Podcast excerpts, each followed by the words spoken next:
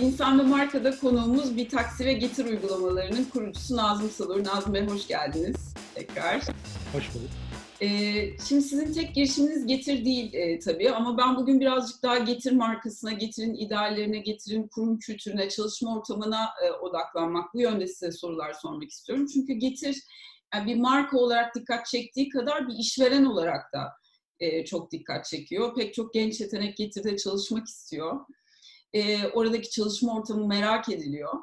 E, biz biraz bu çekiciliğin arkasında ne var, e, yani getirip bildiğimiz mobil uygulama olmanın dışında bir marka olarak ve bir işveren olarak da tanımak istedik e, bugün. E, şimdi e, öncelikle siz getirin hikayesini, kuruluş hikayesini tabii defalarca anlattınız ama e, ben burada dikkatimi çeken bir detayla başlamak istiyorum. E, şimdi getiri marka olarak herhalde çekici kılan şeylerin başında özgün bir fikir olması geliyor. Yani 10 dakika modeli dünyada bir ilk olduğunu biliyoruz. Çok iddialı bir vaat. E, ve siz e, çok çalkantılı bir 5 yılda çok hızlı bir büyüme e, yakaladınız ve bu yılın Benim başında... söyleyeceklerimi söylüyorsunuz bayağı. İyi E, yani. yani Getir'i yakından takip ediyorum. Bu arada yani Getir'in ilk kullanıcıları arasında e, olabilirim e, hakikaten. Çok da e, kullanıcı olarak da çok sevdiğim bir marka. E, şimdi bu yılın başında siz e, büyük bir yatırım aldınız. E, çok konuşuldu. E, ve bununla ilgili Financial Times'da çıkan bir haberde bir cümleniz benim çok dikkatimi çekmişti. Demiştiniz ki orada biz tembelliği demokratikleştiriyoruz. Evet. Şimdi bu cümle benim hem bir iletişimci olarak çok dikkatimi çekti hem getir kullanıcısı olarak çok dikkatimi çekti. Yani beni duygusal olarak yakaladı yani bu cümle. Ee, bu bir marka ideali mi? Getiri kurarken aklınızda bu var mıydı yoksa sonradan e, gelişen bir şey mi oldu? Ya bu böyle çalışılmış falan bir şey değil yani. Öyle doğaçlama aklıma gelip söylediğim bir şey. Çünkü aslında- yani gayet yani bir şey. hiç ölçülmüş, biçilmiş bir şey değil. E, zaten hani doğal olunca da e, insanları yakalama ihtimali artıyor. Bizim e, söylemlerimizin yüzde doksanı aslında organik söylemler. Çalışılmış, ölçülmüş, biçilmiş değil. Ama hani ana fikrimiz e, iyi olduğu için yani işte yapılmamışını yapmak, dürüst şirket olmak, şeffaf olmak yani bizim ana parametrelerimiz doğru parametreler.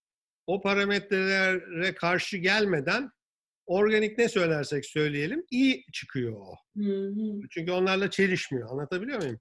Onun için bu da öyle söylenmiş bir şeydir. Ee, düşün şöyle yani onu anlatayım ben. Aslında e, getir e, ürün satıyor gibi gözükse de önce zaman satıyor. Zamanı size bırakarak bir kolaylık satıyor. Hayatını kolaylaştırıyor.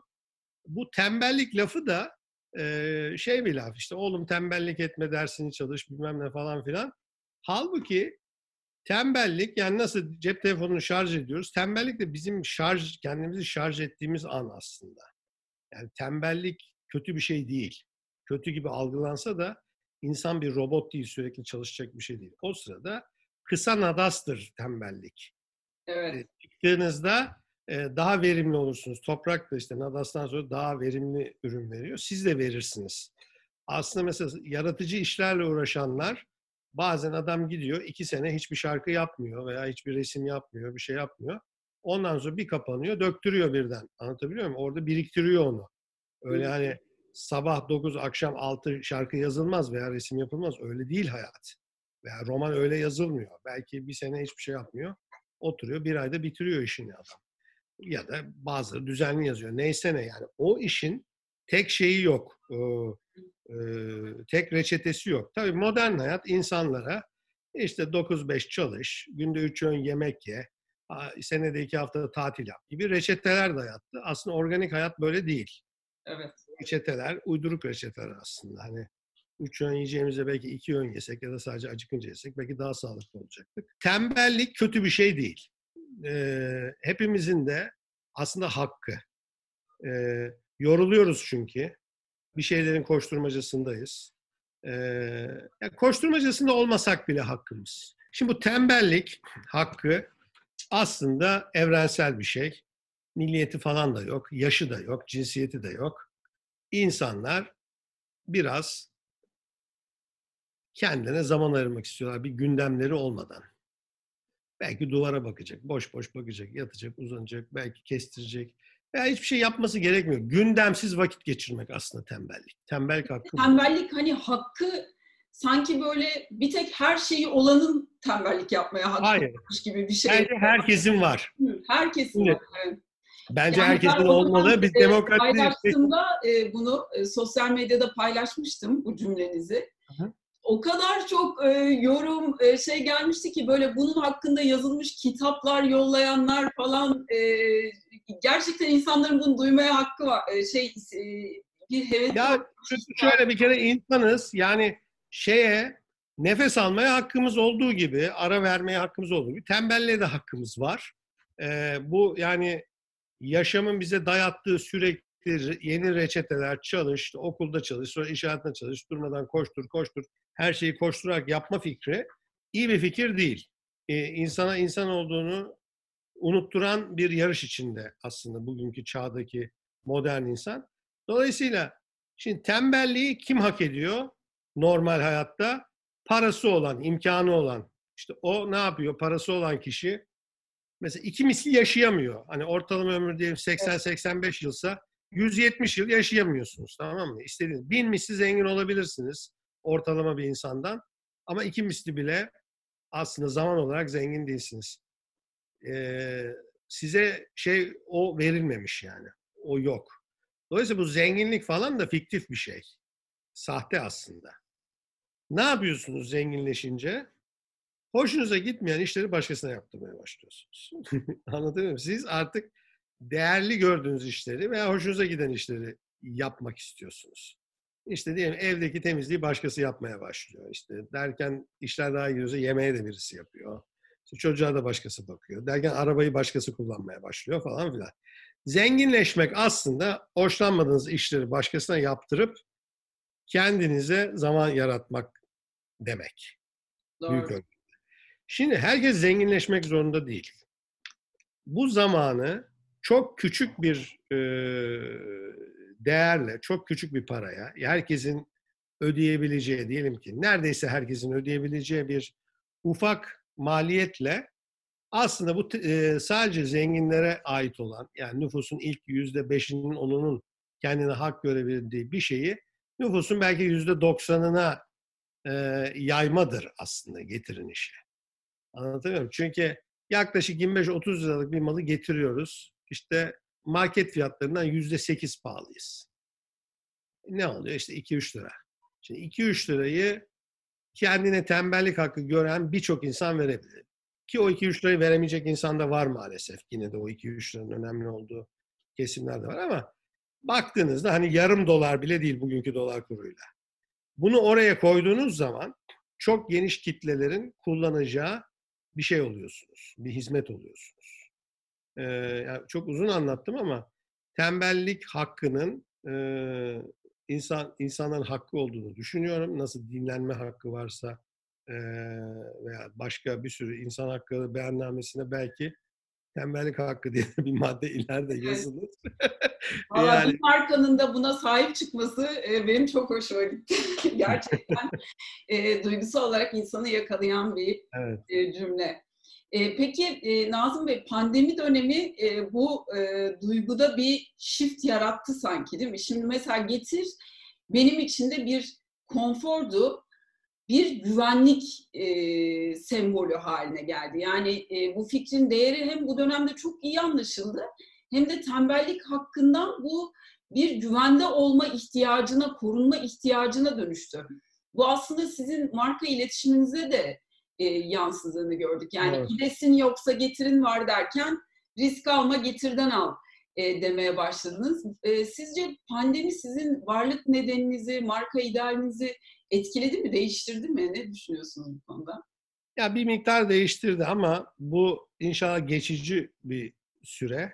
Hı hı. Ne kadar hızlı geçici hale gelirse o kadar iyi olur. Yani biz pandeminin bir an evvel hani dünya yüzünden gitmesini istiyoruz. Hayat normalleşsin istiyoruz. Pandemi bazı açılardan getir ve benzeri firmanın işine yaramış gözükse de aslında yaramadığı da bir sürü alan var bizim toplumla paylaşmadığımız. Evet. Ee, hepsini bir araya koyduğumuzda yani ben keşke olmasaydı derim. Hani bunun artısı eksisi. Yani e, işletmeler kapatılırken mesela biz de kapatıldık.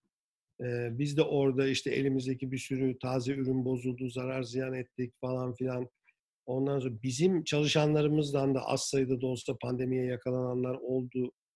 E, e, bunları ya yani bunlar çok üzücü şeyler. Ticareten yani biz işe bir de e, birinci şey para ve ticaret olarak bakmıyoruz. Birinci e, önceliğimiz e, herkesin güvenli olması. Anlatabiliyor muyum? Dolayısıyla pandemi dolaylı olarak bizim işimize yaramış gibi gözükse de ben keşke hiç olmasaydı diye tercih ederim.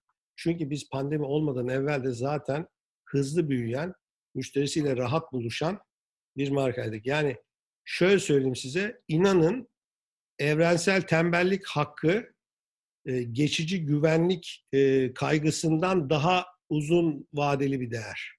Evet.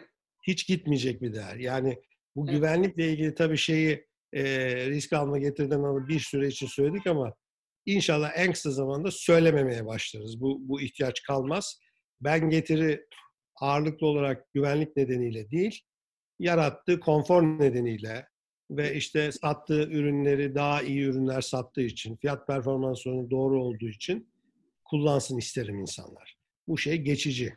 Yani ne kadar hızlı geçicilik olursa yani keşke 2-3 ay sonra aşı bulunsa da e, evet. aramızdan gündemimizden çıksa bu iş. Yani biz de işimize baksak gerçek anlamda. Anlatabiliyor muyum? İşte bu kadar insanın sistemde 6 bin üstünde insan var. Sürekli hijyen kurallarına uymak, maske takmaları, e, şeylerin dezenfeklerimiz bir sürü bu pandemi ortamı bize ek yük getiriyor aslında yönetmek açısından. Bir an evvel normalleşsek hepimiz işimize baksak çok daha iyi olur. E, peki iki şey söylediniz. Onların biraz detayını sormak istiyorum. Bir tanesi e, aslında bizim için güvenlik çok önemliydi dediniz. Dediğiniz gibi bir sürü insan oh bu işler de getire yaradı, e, işte şuna yaradı, buna yaradı diye düşünürken aslında bu markalar aynı zamanda büyük bir riski de e, özellikle saha çalışanları ile birlikte ve saha operasyonu ile birlikte üstlenmiş oldular. Yani bu e, dönemde toplumsal faydanız sizin. E, çalışanlar bunu ne kadar e, hissettiler? Hangi duyguyla çalıştılar? Siz onların motivasyonunu nasıl yönettiniz böyle bir dönemde? Şimdi kuryeler, özellikle kuryeler buradaki pandeminin üst e, seviyede seyrettiği o ilk 1-2 ayda sokağa çıkma yasakları da falan varken sağlık çalışanlarından hemen sonraki bence en takdire şayan işi yaptılar. Evet, kesinlikle. Yani herkes evinde kendini işte bir de hani pandeminin nasıl seyredeceği, tam olarak nereden bulaştığı, nasıl etkileri olacağı, kaç kişinin işte vefat edeceği falan ilk bir iki ayda o kadar belli değildi. Bugün rakamlar yine olsa da hani millet şunu biliyor. Çoğu insan iyileşiyor işte. Bu iş bir nevi hani riskli, kötü bir şey olmakla birlikte yönetilebilir bir şey. Ee, anlatabiliyor muyum? Neticede e, ve kaygılar, yani şu anda risk yine var orada. İlk baştaki olan risk tanımlı olmadığı için algımız olan riskin belki birkaç misli üstündeydi. Şu anda benzer bir risk devam ediyor fakat toplumsal algı o riski yarısı kadar görüyor. Evet. Anlatabiliyor muyum? Hani baktığınızda o gün çok sertti ortam. Orada bizim e, kuryelerimiz herkes evinde otururken onlara ihtiyaç maddelerini götüren birer kahramandılar aslında. Biz açıklamadık e, şeye yani bir e, topluma bunu açıklamadık ama e, kuryelerimizi o 8 hafta boyunca aldıkları ücret dışında ödüllendirdik. Hı hı. Artı e, şeyler verdik e, kuryelerimize. Birkaç unsurla verdik. Yani onların o şeyini ve bunu hiçbir şekilde müşteriye fiyat yansıtmadık. Biz mesela pandeminin başladığı gün bir e, tweet attık. Dedik ki yani yani bu fırsatçılık fiyat artışları falan oluyor bu. Biz de önümüzdeki bir ay hiçbir şeye zam yapmayacağız. Yani tedarikçi bize yapsa bile yapmayacağız. Kendimizi bağladık daha birinci gün. Anlatabiliyor muyum? Çünkü şöyle bir karar verdik. Dedik ki ya biz burada kalpleri kazanacağız. Para kazanmak başka zamanda yapılabilecek bir şey. Yani fırsattan istifade para kazanma işine gitmeyeceğiz. Anladın mı? Ve orada mümkün olduğu kadar çok insana dokunmak ve e, hiç kayıp vermeden çalışanlarımızın da güvenliğini e, en yüksekte tutarak devam etmek diye amacımız. Çalışanlarımızdan koronaya yakalananlar oldu. Çok şükür ki hiçbir çalışanımız bizim e, yoğun bakıma bile e, gitmesine gerek kalmadı. Yakalananlar da iyileştiler, hafif atlattılar. Daha genç bir e, çalışma gücüne sahibiz. E, biz hani 6 ayı geçti korona geleli. 6 binin üstünde çalışanı var şirketin e, bayi, bayi teşkilatıyla birlikte. Koronaya şirket çalışanları olarak kayıp vermedik. İnşallah da bundan sonra da vermeyiz. Yani aldığımız e, bir sürü önlem e, sayesinde de oluyor. Bu tabii çalışanlarımız da kendine dikkat ettiği için. Yani neticede sahada çalışan insanlarız biz şirket olarak. Bu açıdan önemli. Yani 6 bin kişi aileleriyle birlikte 24 bin kişi diye düşünebilirsiniz. Yani 24 bin nüfuslu bir ilçe olarak düşünün getiri. Bizim korona kaybımız yok. Evet, Şimdi nazarda değmesin, olmasın. Evet, evet. Anlatabiliyor muyum? Hani e, burada e, e, şeyi kor, koronalı dönemi, ilk dönemi şirket olarak insanı hem çalışanımızı hem de müşteriyi öne koyarak parayı pulu da arkaya koyarak geçirdik. O süreçte bir vefa kolisi e, projesinin içinde olduk. Ha, evet ben de onu soracaktım. Evet. Biz kar amacı gütmeksizin e, işte İstanbul Valiliği ile bir işbirliği yaptık. E, yaşlı ve ihtiyaç sahibi insanların her hafta kapısına bir haftalık ihtiyacını ki zengin bir kolidir o götürdük e, kimse evinden çıkmazken. Bu da çok gurur duyduğumuz bir iş. Aynı dönemde e, yaşlılara yani durumu e, parasal durumu iyi olan yaşlılar da var. Onlar da getiri kullansın diye Türkcell'le bir işbirliği yaptık.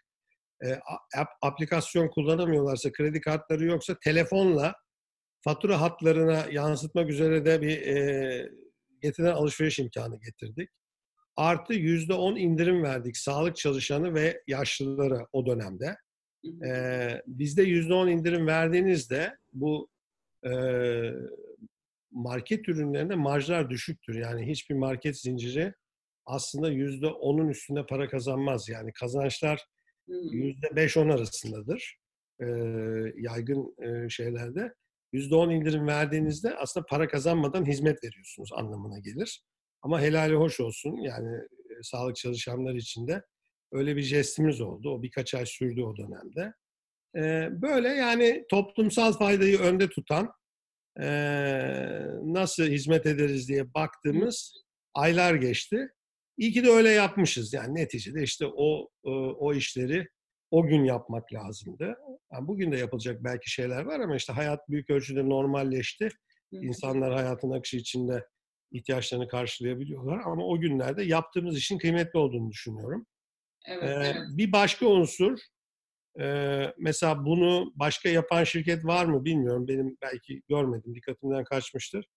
İlk korona şüpheli bir çalışanımız olduğunda Ataşehir'deki bir depomuzda oturduk biz bunu açıkladık. Hı hı. Dedik ki bir, yani daha korona vakaları yeni yeni çıkıyordu. Bu de şu depomuzda dedik şöyle bir arkadaşımız korona şüphesiyle işte hastanede müşahede altında falan işte size bilgi vereceğiz ee, ve işte o depoyu kapattık. Orada çalışan herkesi evine yolladık. Ücretli tabii. Hiç kimseyi işten çıkartmadık. Her türlü hakları devam etti evde de olsalar.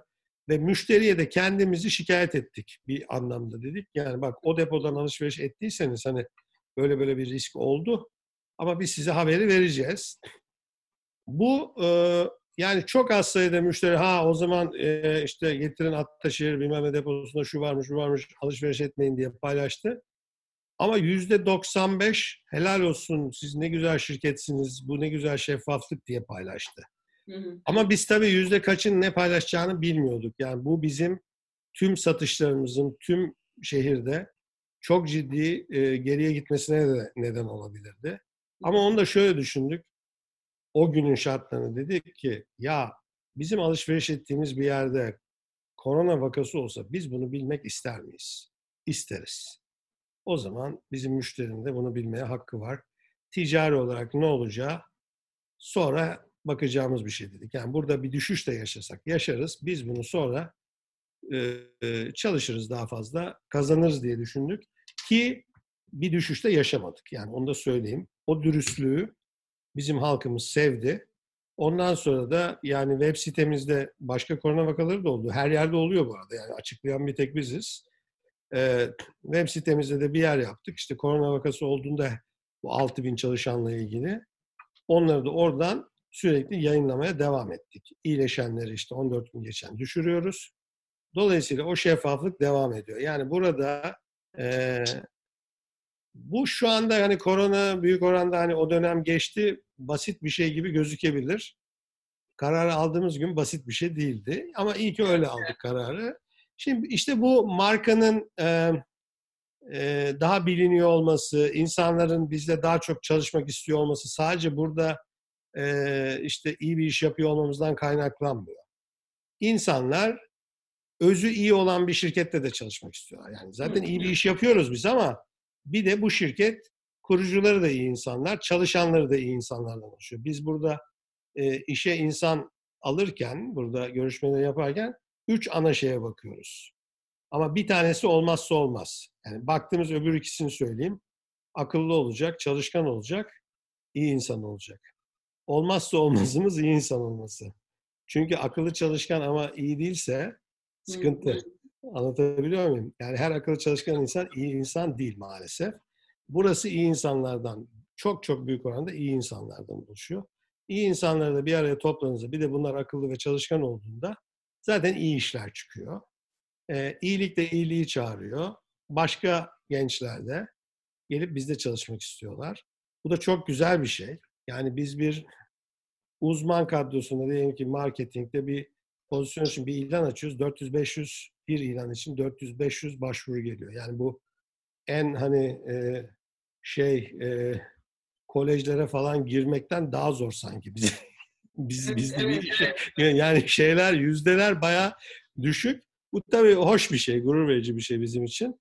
Evet, Ama evet. o sadece yani buradaki business'ın, buradaki işin geleceğinin parlak olmasından kaynaklanmıyor. İşte bu tarz ufak tefek orada burada şurada yaptığımız şeylerin toplamı bence gençleri cezbediyor. Evet. Gençlerin çoğu aslında e, bir iyi hikayenin de parçası olmak istiyor. Herkes para ve mevki peşinde değil. Evet, Zannediyor evet. ki herkes para peşinde. Evet yani geçinecek kadar para tabii ki önemli ama aslında gençlerin epey bir kısmı da idealist. Onlar onları da biz cezbediyoruz. Ee, çok güzel bir ortamımız var burada. Bir de özgür bir ortamız biz yani. Hı hı. Ee, çeşitli ben zaten biraz oraya getirmek istiyorum. Hı. Yani e, getir kültürü, çalışma ortamı, iş yapış şekli. Şimdi e, pandemi döneminden bağımsız konuşursak e, Getir markasının e, yani tabii her marka girişimcisinin, kurucusunun biraz ruhunu taşır. E, ve eminim siz o ilk kadroyu kurarken e, bu az önce saydığınız karakter özelliklerine çok dikkat ederek e, o ilk kadroyu kurdunuz. E, ilk başta nasıl bir kültür inşa etmek e, istemiştiniz Getir'de? E, işte akıllı, çalışkan e, ve. E, iyi insanlar dediniz. E, ama şirket büyüdükçe şimdi 10, 40, 100, 1000, 5000 olduğu zaman e, bu kültürü, bu karakteri e, korumak e, eminim çok zorlaşıyor. E, sizce mümkün oluyor mu? Değişiyor mu? Dönüşüyor mu? Neler yapıyorsunuz bu? Bence mümkün oluyor. Çünkü e, başlangıçta kurucu olarak biz o tonu biz oluştursak da bizden onu benimseyip öğrenenler de bunun elçileri oluyorlar. Onlar yapıyor. Mesela bizde e, üç tane, iki üç tane genç arkadaş bundan altı ay bir sene evvel hiç kimse onlara iş vermeden getirin kültür haritasını çıkartmaya karar vermişler. Kendi kendilerine. Şirkettekileri sormuşlar getir nedir, şudur budur diye. Girişimci bir hareket yani bu da aslında. Evet, girişimci bir hareket. Yani bunu hiçbir hiçbir yönetici söylemedi onlara veya biz söylemedik. Ondan sonra o hareketi başlatınca başkaları ben de buna katkıda bulunayım falan demiş. 40 kişilik bir şey olmuş orada. Bunlar getir nedir ne değildir diye çıkarttılar 40 kişi. Sonra biz gittik dinledik. Hı. Ben anlatsam getir daha iyi anlatamam. Hı. Anlatabiliyor muyum? Çıkartmışlar yani biz neyiz ne değiliz niye öyle düşünüyoruz falan haritayı çıkartmışız. Şimdi bu aşağıdan böyle çıktığı zaman aşağısı ve orta kademe ve üst kademe neyse aşağı demeyelim aşağı sanki kötü bir şey gibi oluyor. Daha genç, daha yeni e, iş hayatına başlayan arkadaşlar diyelim. E, buna sahip çıkıyor. Yani o Şimdi kendisi yere çöp atmayan biri başkasına da attırtmaz. Anlatabiliyor muyum? Yani bana ne bana necilik yok bizde. Ya bu burada bize bize yakışmaz diyor mesela onu Bu, öyle. e, kendiliğinden olması çok değerli ama öyle yapması kolay bir şey de değil yani e, aslında Nazım Bey. Yani şirketler inanılmaz iletişim yatırımı yapıyor. İnsanlar böyle şeyleri sahiplensin, e, yapsın diye. E, bu bir şans değil eminim. Ama iletişim yatırımı bakın Hı hı. iletişim yatırımı başka şey. Bizimki büyük oranda organik. Neden başka Organik. şey? Bir kere e, bir şey organik mi yatırım mı belli oluyor çoğu zaman. Yatırımsa onu satın almıyor gençler. Hı. Anlatabiliyor muyum? Organikse de anlıyorlar onlar. Yani onlar e, kaba tabirle maldan anlıyor. Hiç kimse aptal değil. Anlatabiliyor muyum? En büyük trik aslında trik yapmamak. Samimi olmak. ha, çok güzel söylediniz. Tamam mı? Yani bizim trik o. Hı. Olduğu gibi söylüyoruz aklımızdan geçeni. Dolayısıyla ne dediğimizi hatırlamamıza da gerek yok. Yani aklımızdan geçen doğru olanı söylediğimiz için 3 ay sonra bir daha o konu açında yine aynı şeyi söylediğimiz için bir şey olmuyor. Mış gibi yapmıyoruz. Yani burada çalışanların hoşuna gitmeyecek bir şey söyleyeceksek onu da söylüyoruz. Bu sadece böyle güzellikler diyarı, polyanlacılık oynamıyoruz. iş yapıyoruz neticede burada. Anlatabiliyor muyum? Ama e, alkışlamayı da biliyoruz. Ödüllendirmeyi de biliyoruz eleştirmeyi de biliyoruz. Ama kimsenin mesela kişiliğini incitmemeye çok özen gösteriyoruz. Mesela işi eleştiririz, kişilik eleştirisi yapmayız burada. Mi? Mesela ikisi ayrı şeylerdir. Bizim getirde birisi bu bu ne biçim iş lafını duyabilir ama sen ne biçim adamsın lafını duymaz kimse. Sen ne biçim adamsın veya sen ne biçim kadınsın denmez kimseye. O yasak. Bu iş olmamış denir ama. Peki bir şey Yani olmuş eline sağlık ama şurası işte biraz daha iyi olsa denmez mesela. Olmamış. Yani e, samimiyetsiz bir nezaket de yok yani. Samimiyetsiz bir O nezaket çok çok nezakete gerek yok çünkü o kadar kırılgan insanlarla çalışmıyoruz. Yani olmamış bir şey, olmamış deyip hayatı akıtmak lazım. Ee, öyle hani güzel olmuş sağlık. Yani biz burada neticede hani anaokula giden çocukların kötü yaptığı resimleri beğenme işinde değiliz. Yani grown up'larla çalışıyoruz. Dolayısıyla hani bir diyelim ki marketing bir şey hazırlamış olmamışsa elinize sağlık falan filan diye vakit kaybetmeye gerek yok. Olmamış bir daha yapın diyoruz. Ee, İlk iki üçünde bu biraz şey oluyor, garip geliyor. Dördüncü de alışıyor millet.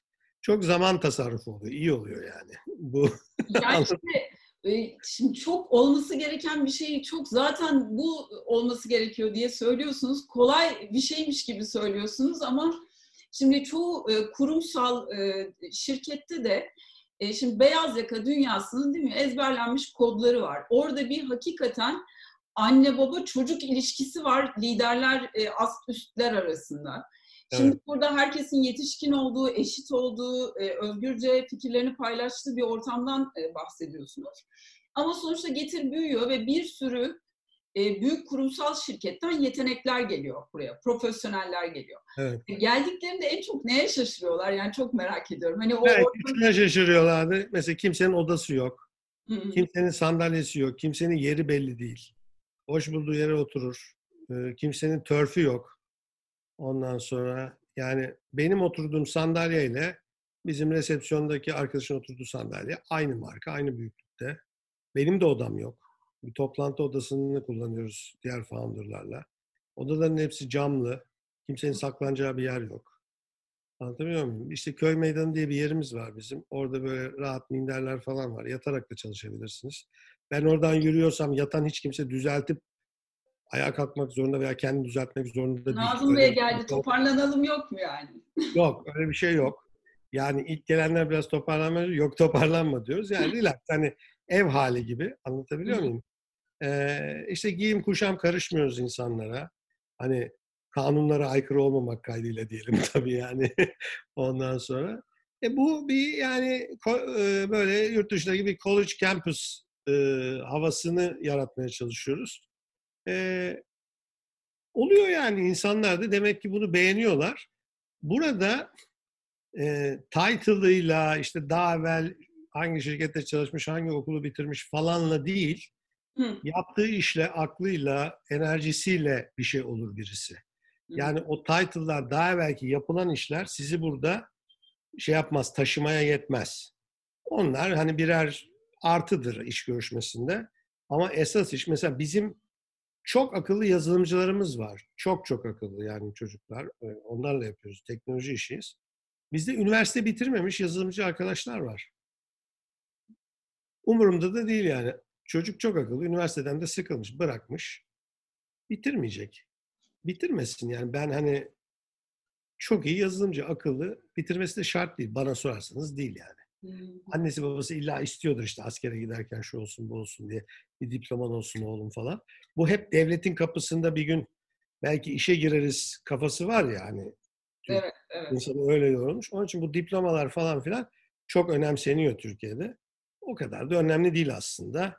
Kendini sürekli öğrenmeye adamış yetenekli insanlar aslında işlerini iyi yaparlar. Diploma falan filan da zannedildiği kadar önemli değil. Hiç önemsiz yani hiç önemi yok demeyelim tabii ki. İyi okullara giriyor, insanlar emek veriyor, okuyor, bir şeyler öğreniyorlar. Önemsiz demiyorum.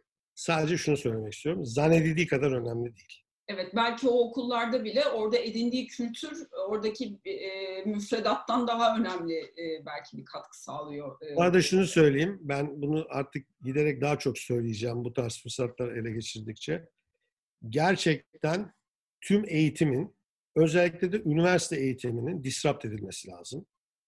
Yani birkaç yüzyıldır aynı eğitim veriliyor. İnsanları, kalabalıkları bir yere topluyorlar. Bir tane sınıf diye bir yere dolduruyorlar. Bir tane adam çıkıyor tatlıya bir şeyler yazıyor. Onlar not tutuyor. Sonra işte ne kadar aklında kaldı diye test yapıyorlar. Sonra da bir diploma veriyorlar. Bunu da işte eğitimdeki en iyi yol diye söylüyorlar. Ha o gençler bir arada olduğu için sosyalleşiyorlar falan filan.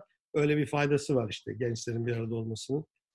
Ama bu eğitim böyle olmak zorunda değil aslında. Bugün dünyanın geldiği noktada bütün bunların gözden geçirmesi lazım. Zaten pandemi bunun farklı olabileceğini de gösteriyor. Ee, iş hayatında da işte işe gitmeden de bir sürü işin zannettiğimizden çok daha iyi yürüyebileceğini gördük. Ama işe de gitmek de gerekiyor. Tamamen kalkmayacak bu. Ama doğru bir mix e, olacak. Eğitimde de bunları göreceğiz. Bu marka eğitim kurumlarının yani buna dünyanın en iyi markalarını da dahil edin. Bizde her tür markadan insan çalışıyor burada. Yerli yabancı çok iyi marka eğitim kurumlarından insanlarımız var burada. Evet bazıları hakikaten çok iyiler ama bazıları o markaya sahip olsalar da burada başarılı olamayabiliyorlar. Hiç kimsenin adını bilmediği eğitim kurumlarından gelenler de çok başarılı olabiliyor. Dolayısıyla o markalar zannedildiği kadar da önemli değil. Esas olan kişinin kendi. Yani aslında bayağı her konuda ezber bozan e, bir takım yaklaşımlardan bahsediyorsunuz. Doğru yani iş dünyası şu an genç yeteneklerin peşinde hani bu top six üniversite bir kitle var. Herkesin işe almak istediği ama o gençler bile önce bildikleri bazı şeyleri unutturup sonra yeni bir şeyler öğretip ondan sonra o işi, iş yerinin işine yarar hale gelebiliyorlar. Bu söylediğiniz gap'ten ötürü muhtemelen eğitim sistemiyle iş dünyasının bugünkü ihtiyaçları pek birbirini tutmuyor. Ee, Şöyle söyleyeyim ben size. Ben şimdi mühendislik bile okumadım. işletme okudum. İşletme dediğiniz biraz oradan biraz buradan genel yani Boğaziçi'nde işletme okudum. Boğaziçi iyi bir okul. İşletmeye girmek çok zor bir şey falan filan ama okuması çok kolay bir şeydir. %20-30 kapasite kullanırsanız bile sizi mezun ederler. Yani böyle bir durumdur bu. Ee, e şimdi biraz ondan biraz bundan okuduk. Ben 86 senesinde işletmeyi bitirdiğimde bırakın hani getir bir taksi gibi bir işin düşünülmesi cep telefonu yoktu. Araba telefonu yoktu. Te, yani telefon kablolu bir telefondu böyle çevrilirdi. Geri evet. gelirdi filan. Tuşlu bile değildi. İşte 10 sene beklenirdi PTT yazının falan telefon eve gelsin. Şimdi böyle bir ortamda ben okul bitirdim. Ondan sonra işte değişik işler yaptım. Hayatımda 50 yaşına geldiğimde şu an 58'im aklıma bir taksi yapmak geldi. Dedim ki bu dijital işler çok büyüyecek. Bu cep telefonundaki bu aplikasyon dünyasına taşınacak dedim olay. Önümüzdeki 10-20 yıl. Öyle bir öngörüm oldu. Bundan 8 sene evvel. Ve dedim ben burada bir şeyler yapmalıyım. Sonra işte ne yaparım diye düşündüm. İşte bir taksi yaptım. Bir taksi yaptıktan sonra iki sene sonra aklıma getir geldi. Kısmet oldu. İşte başka insanlara da bu rüyaya ortak ettik. Bugün getir geldiği yere geldi. Ee, ama Yani 50 yaşından sonra bile yani 50 yaşından sonra startup yapmak aslında birdenbire 50 yaşından sonra keman çalmaya kalkmak gibi bir şey. Evet, yeni bir başlangıç. Evet, yeni evet, yeterince yani istekli olursa insan yapabilir aslında.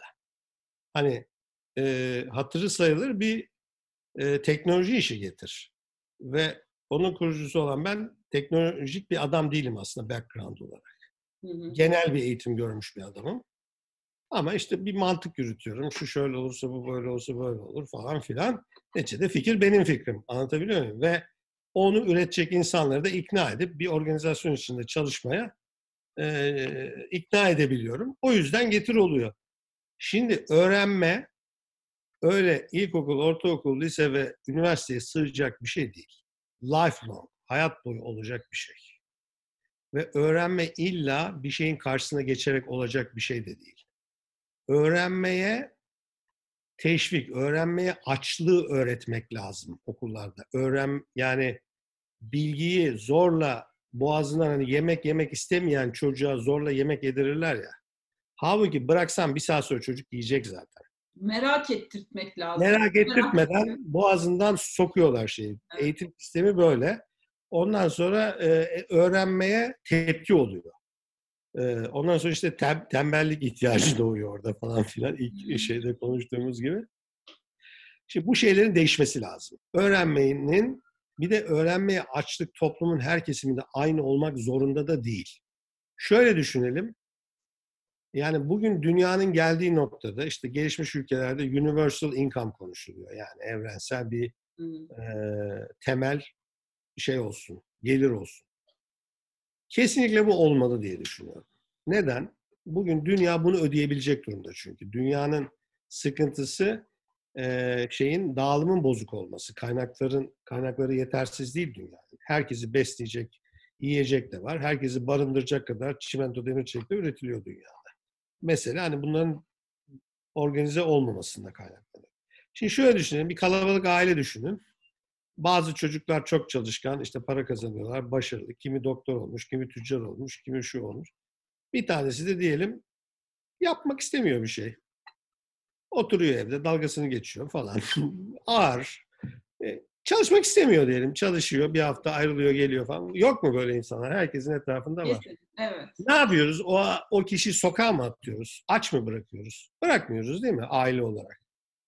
Onun da sofrada önüne bir kap yemek koyuluyor. Onun da yatacak bir odası var değil mi? Yani aile olarak öyle yapıyoruz değil mi? E toplum da büyük bir aile. Toplum olarak da bunu yapmalıyız aslında. Ama tabii çalışanların e, biraz daha iyi bir arabası olabilir, biraz giysileri daha iyi olabilir falan filan yani. Yani e, şey anlamında sosyalist bir eşitlikçilikten bahsetmiyorum. Efendim? Yapanın yapmayandan gene bir farkı olsun yani. Yapanın yapmayandan farkı olsun ama yapmayan da sürünmesin kardeşim. Yani niye sürünsün? Anlatabiliyor muyum? Hani sağlık hizmetinden de faydalansın. Yiyecek yemeğe de barınacak bir yeri de olsun. Anlatabiliyor muyum? Bunu dünya olarak yapabiliriz. Biz ülke olarak da bu arada biz ülke olarak bunu epey bir yapıyoruz zaten. Yani toplumsal dokumuz e, önce toplumsal olarak yapıyoruz. Yani akrabalık network'ü aynı aile içinde işi şansı iyi gitmeyene öbürlerine sahip çıkması çok yaygın bir şey. Daha geniş arkadaşlık networklerinde de bu sahip çıkma var. Artı devlet de Türkiye'de aslında epeyce sosyal bir devlet. Şimdi siz aslında kendi işinizin hatta ekosisteminizin de daha da dışını dışını çok bütünsel daha büyük bir şeyden e, bahsediyorsunuz ve oradaki etkinizi, etki alanınızı giderek genişletmekten de bahsediyorsunuz. Sosyal sorumluluk e, tarafınızla yaptığınız işle. Ya bu tabii ki çalışanı da müşteriyi de bence duygusal olarak etkileyen, markaya bağlayan bir şey. Çünkü hani kimse atıyorum çalışanlarınız için söylüyorum. Sadece Nazım Salur'a para kazandırmak için kimse hayatını böyle bir şey için harcamak istemiyor. Ya da e, hiçbir müşteri bir marka sırf büyüsün diye ona para harcamak istemiyor. Ben size bir şey söyleyeyim. Bir, şeyin parçası olmak istiyor insanlar. E, doğru. Biz biz kendimiz de birinci şeyimiz hedefimiz para kazanmak değil ki.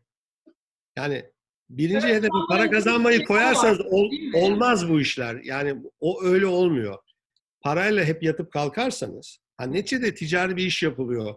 Para da kazanmak lazım. Çünkü para sizin yakıtınız işte. Yolda kalmamak için, amaçlarınızı gerçekleştirmek için bir araç. Hı hı. Ama amaç değil, araç. Evet. Anlatabiliyor muyum? Bizim amacımız bir yere gitmek. Para yakıt. Yakıtı içecek değiliz. Kullanacağız, gideceğimiz yere gideceğiz. Yani bu rüyalarımızı gerçekleştireceğiz. Türkiye'den teknolojik marka çıkartacağız, yurt dışına götüreceğiz. Orijinal bir iş yapıyoruz. İşte rekabet geliyor, rekabetin önünde kalacağız. Bunların hepsi her biri heyecan verici işler. Yani bu heyecanı bütün şirkete yayıyoruz. O heyecanın taraftarı oluyor bizle çalışanlar. Hmm. O mücadelede e, diri tutuyor insanları. Yani evet. anlatabiliyor muyum? Hani e, ve para kazanma işi çok nadir konuşulur şirkette. Yani para kazanma, hadi para kazanalım, hadi bilmem ne yapalım. Bizim gündemimizde yani bu yüzde beş bile yer alan bir şey değil. Ama yaptığımız iş şu, işte verimliliği artıralım bilmem ne. O sonuçta para da kazandırır size. İşte müşteri memnuniyetini artıralım. E müşteri memnuniyetini artırmak, müşteriyi memnun etmektir. Hataları azaltmaktır. Sonunda para da kazandırır. Onu toplantıda biz para kazanalım, o yüzden müşteri memnuniyetini artıralım diye yapmıyoruz toplantıyı. Müşteri memnuniyetini artıralım diye yapıyoruz. Ama bu sizin gerçek samimi zaten motivasyonunuz o değil yani. E, gerçek, e değil. Evet. Zaten, zaten bakın şöyle bir örnek vereyim size. Bir roman yazan adam düşünün. Yazar. Bu adam o romanı yazarken adam, kadın düşünelim. Çok adam diyoruz böyle cinsiyetçi olarak. çok iyi bir kadın yazar düşünelim. O her sayfayı yazarken işte burada da şundan bahsedeyim çok okunsun diye düşünürse berbat bir roman yazar. O çok iyi bir hikaye yazacağım diye düşünürse parayı pulu düşünmeden kaç kişinin okuyacağını güzel bir roman yazar. Sonuçta da çok kişi okur, para da kazanır. Para kazanmak istiyorsa parayı düşünmemesi lazım. Ya bunu sadece bir girişimci için değil, bir kurumda çalışan herhangi bir çalışan için de söyleyebiliriz öyle değil mi? Aslında. Bence öyle. Yani neticede bakın hayvanlar aleminde falan tabiatta para falan yok. Fictitious bir şey yani bizim yarattığımız sanal bir şey. Bir araçtır yani. İşte bir, bir ölçü birimidir, değiş tokuş birimidir, bilmem nedir. Sıralama yapmaya yarar falan filan. Hayatı akın, akışkan e, olmasını sağlar. Gerçek olan yapılan iştir. Yediğiniz, içtiğiniz, oturduğunuz, kullandığınız iştir. O ihtiyaçları karşıladıktan sonra da en gerçek olan insan olarak bizi diğer bütün canlılardan ayıran şey de manevi hazlardır. İşte kendini iyi hissetmektir, e, mutlu olmaktır, iyi bir hayat yaşamaktır, bir iz bırakmaktır. Neyse işte herkesin kendine göre başka şeyleri oluyor. Anlatabiliyor muyum? Dolayısıyla bu para e, bunu kolaylaştıran bir şey olmakla birlikte öne koyarsanız hayatı çirkinleştiren bir şey oluyor. Maalesef öyle oluyor. Batı toplumlarında paranın çok konuşulduğu, para çok olmasına rağmen para çok konuşuluyor mesela. İşte ne bileyim ben yurt dışında yaşıyorum. Amerika'da işte dört arkadaş gidiyor. Pizza yiyorlar. Sen kaç dilim yedin, ben kaç dilim yedim. Ona göre yok sen üç dilim yedin, sen daha çok para öde falan filan. Bu konuşuluyor mesela. Aslında o pizza komple parasını dördü de ödeyebilir. Biz daha az paralı bir ülkeyiz. Arkadaşlar kavga ediyor. Sen ödeyeceğim, ben ödeyeceğim diyor. Orada da sen kaç dilim yedin diye kavga ediliyor. Şimdi bunun hangisi iyi? Bizdeki iyi. Hangisi daha şey gözüküyor, mantıklı? Oradaki mantıklı gözüküyor. Kaç dilim yediysen onu ödemen lazım. Mantıklı. Mantıklı gözüken her şey illa doğru değil. Bizimki daha doğru. Bir gün sen ısmarlarsın, bir gün o ısmarlar. İkimiz de mutlu oluruz. Öbüründe herkes kendi parasını öder, herkes iki kere karnını doyurur. Bizimkinde hem karnını doyurursun hem mutlu olursun. Birinde treat edilmenin mutluluğunu yaşarsın, öbüründe treat etmenin mutluluğunu yaşarsın. Evet doğru ve bir tanesi kesinlikle çok daha büyük bir haz, daha kalıcı bir haz doğru. Evet. Peki son kapatırken şunu sor- sormak istiyorum. Şimdi bütün bu anlattıklarınız zaten şu resmi de netleştiriyor. Şimdi herkesin getir için kafasında bir senaryo vardı. Getir büyüyecek, parlayacak, satılacak. Niye? Evet. Çünkü herkes e, hani yolunun bulmanın e, derdinde e, olduğunu düşünüyor ya herkes birbirinin. O yüzden siz de herhalde bu marka e, bu markayı parlatıp satarsınız sonra da hayatınızı yaşarsınız e, diye bekledi herkes. Ben hayatımı yaşıyorum zaten yani. Ha, yani ama, ama e, ama sizin e, pek e, şeyiniz yolunuz e, öyle bir e, senaryonuz kafanızdaki senaryo o değil. E, birbirini tamamlayan üç soru. Yani getir nereye gidecek? Nasıl insanlarla gidecek? Yani nasıl bir getir takımı hayal ediyorsunuz? E, ve nasıl bir çalışma düzeni olacak sizce bu bütün bu yaşananlardan sonra? Sorular çok. Birkaçını unutabilirim. Peyderpey gidelim. Ee, getir, yani bir getiri e, satmayı düşünmüyoruz. Yani çoğunluğu e, kurucu ekibin çoğunluğu kaybedeceği şekilde satmayı hedeflemiyoruz. Getiri büyüyebildiği kadar büyütmeyi, yurt dışına açmayı, birçok ülkede var etmeyi hedefliyoruz. Bunu ne kadar başarırız? Bizim becerimiz, dünyadaki gelişmeler ve o, rekabetin şekillenmesi bunu gösterecek bize. Ama hedefimiz e, bir cash out edip, bir nakite dönüp onu bankaya koyup tatile çıkmak değil. O beni mutlu edecek bir şey değil. Onu söyleyeyim. Hani sağlığımız yerinde oldukça bu işi gittiği e, yere kadar e, büyüterek götürmek e, istiyoruz. Amaç bu. Anlatabiliyor muyum? E, ve e, Türkiye'de kurulan startup, teknolojik startuplara da bugüne kadar e, bu sesi e, bu netlikte veren ilk girişim biziz galiba. Çünkü Doğru. daha belkileri hep yatırımcılar bile işte ne zaman exit yapacaksın, ne zaman evet. çıkacaksın, parayı verir zaman 3 senede mi satacaksın, 5 senede mi satacaksın. Sanki bu satmak tek çözümmüş gibi doğallaştırdılar bunu. Ya da en iyi fikir oymuş gibi. En iyi, en iyi fikir oymuş gibi. Hayır değil. Şimdi satan satar. Satmak da yanlış bir şey değil. Adam bıkmıştır, adam çok yorulmuştur, işi daha ileriye götüremeyecektir falandır filandır. Kendine göre nedenleri vardır. Satmak isteyen satar. Satmanın engellenmesi de yanlış.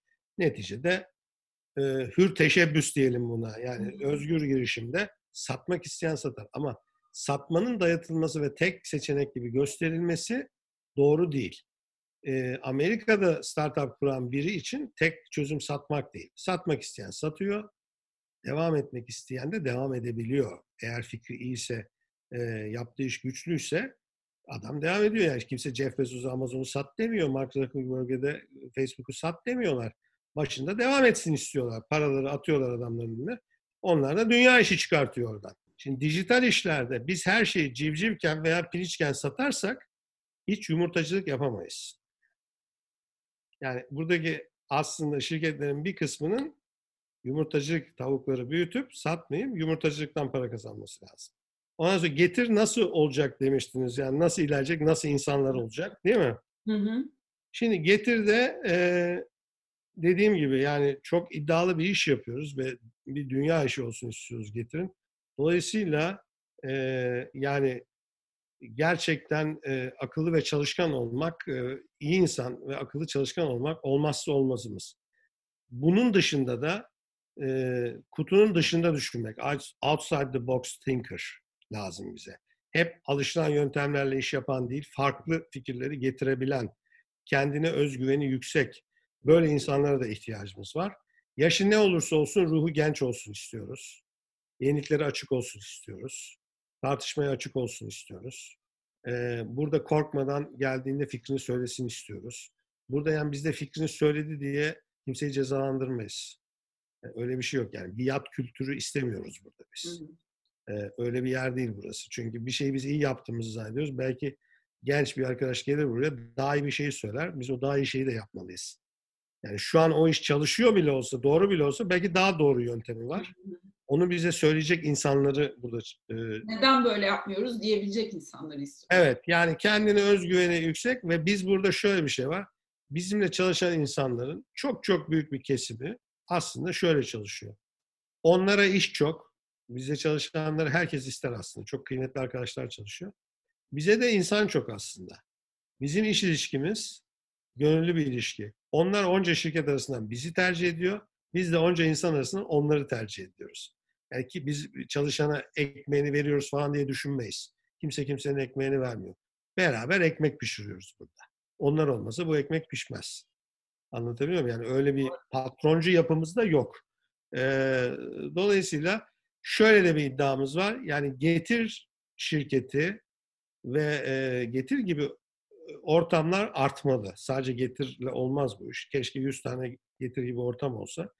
Getir beyin göçünü engellemenin bir yolu.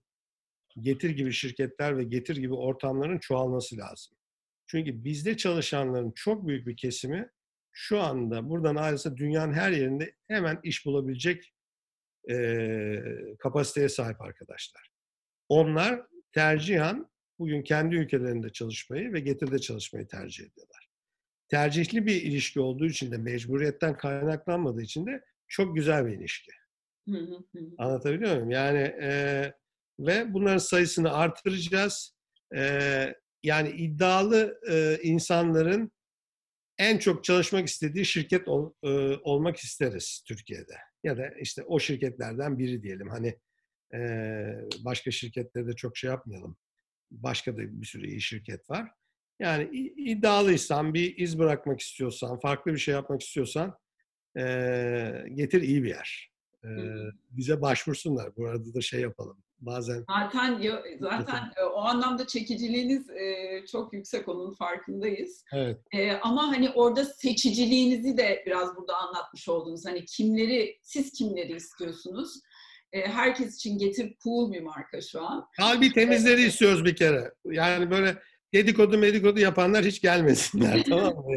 Başkasının başarısından mutlu olmuyorlarsa gelmesinler. Mesela bizim Türkiye'de öyle de bir e, maalesef... yüzde yetmişi elediniz. bir huyumuz var. Kendi iyiliğini isterken başkasının da e, iyiliğini istemeyen bir, bir hasetlik şeyi var bazı insanlarda. İstedikleri kadar haset insan istemiyoruz burada. Çünkü başkasının iyiliğini istemediği zaman şirket aşağı gidiyor. Yani biz kendi iyiliğiyle beraber şirketin de iyiliğini, bu hikayenin parçası olacak insanlar istiyoruz. Ee, sonuçta e, ama var bir sürü iyi insan bu memlekette. Yani doğru ortamlar yaratıldığında evet. o insanlar da geliyorlar, çok inanarak çok güzel sonuçlar veriyorlar. Yani ben böyle bir ekibi burada toplamış olmaktan gururluyum. Gerçekten çok çok iyi çalışanlarımız var. Hem nitelikleri çok iyi hem de çok bağlılıkları da çok yüksek yani bu hikayeye. Ee, inşallah hani bugüne kadar işleri fena götürmedik. Bundan sonra gelecekte de bize güvendiler, bu hikayenin bir parçası oldular. Hikayenin devamını da inşallah iyi getiririz. Nazım Bey gerçekten sizinle sohbet etmek çok güzeldi. Ee, çok çok teşekkür ederim. Süremi teşekkür oldukça ederim. aştım. Ee, çok teşekkürler e, katıldığınız için. Fikirlerinizle, enerjinizle, teknolojinizle yani Getir markası olarak e, söylüyorum. E, kültürüyle bizim yakından takip etmeye devam ettiğimiz bir marka olacak. İnşallah farklı konu başlıklarında sizinle, ekibinizle tekrar bir araya gelmeyi diliyorum ben. Teşekkür ediyorum. Kendinize iyi bakın. Çok teşekkürler. Hoşçakalın.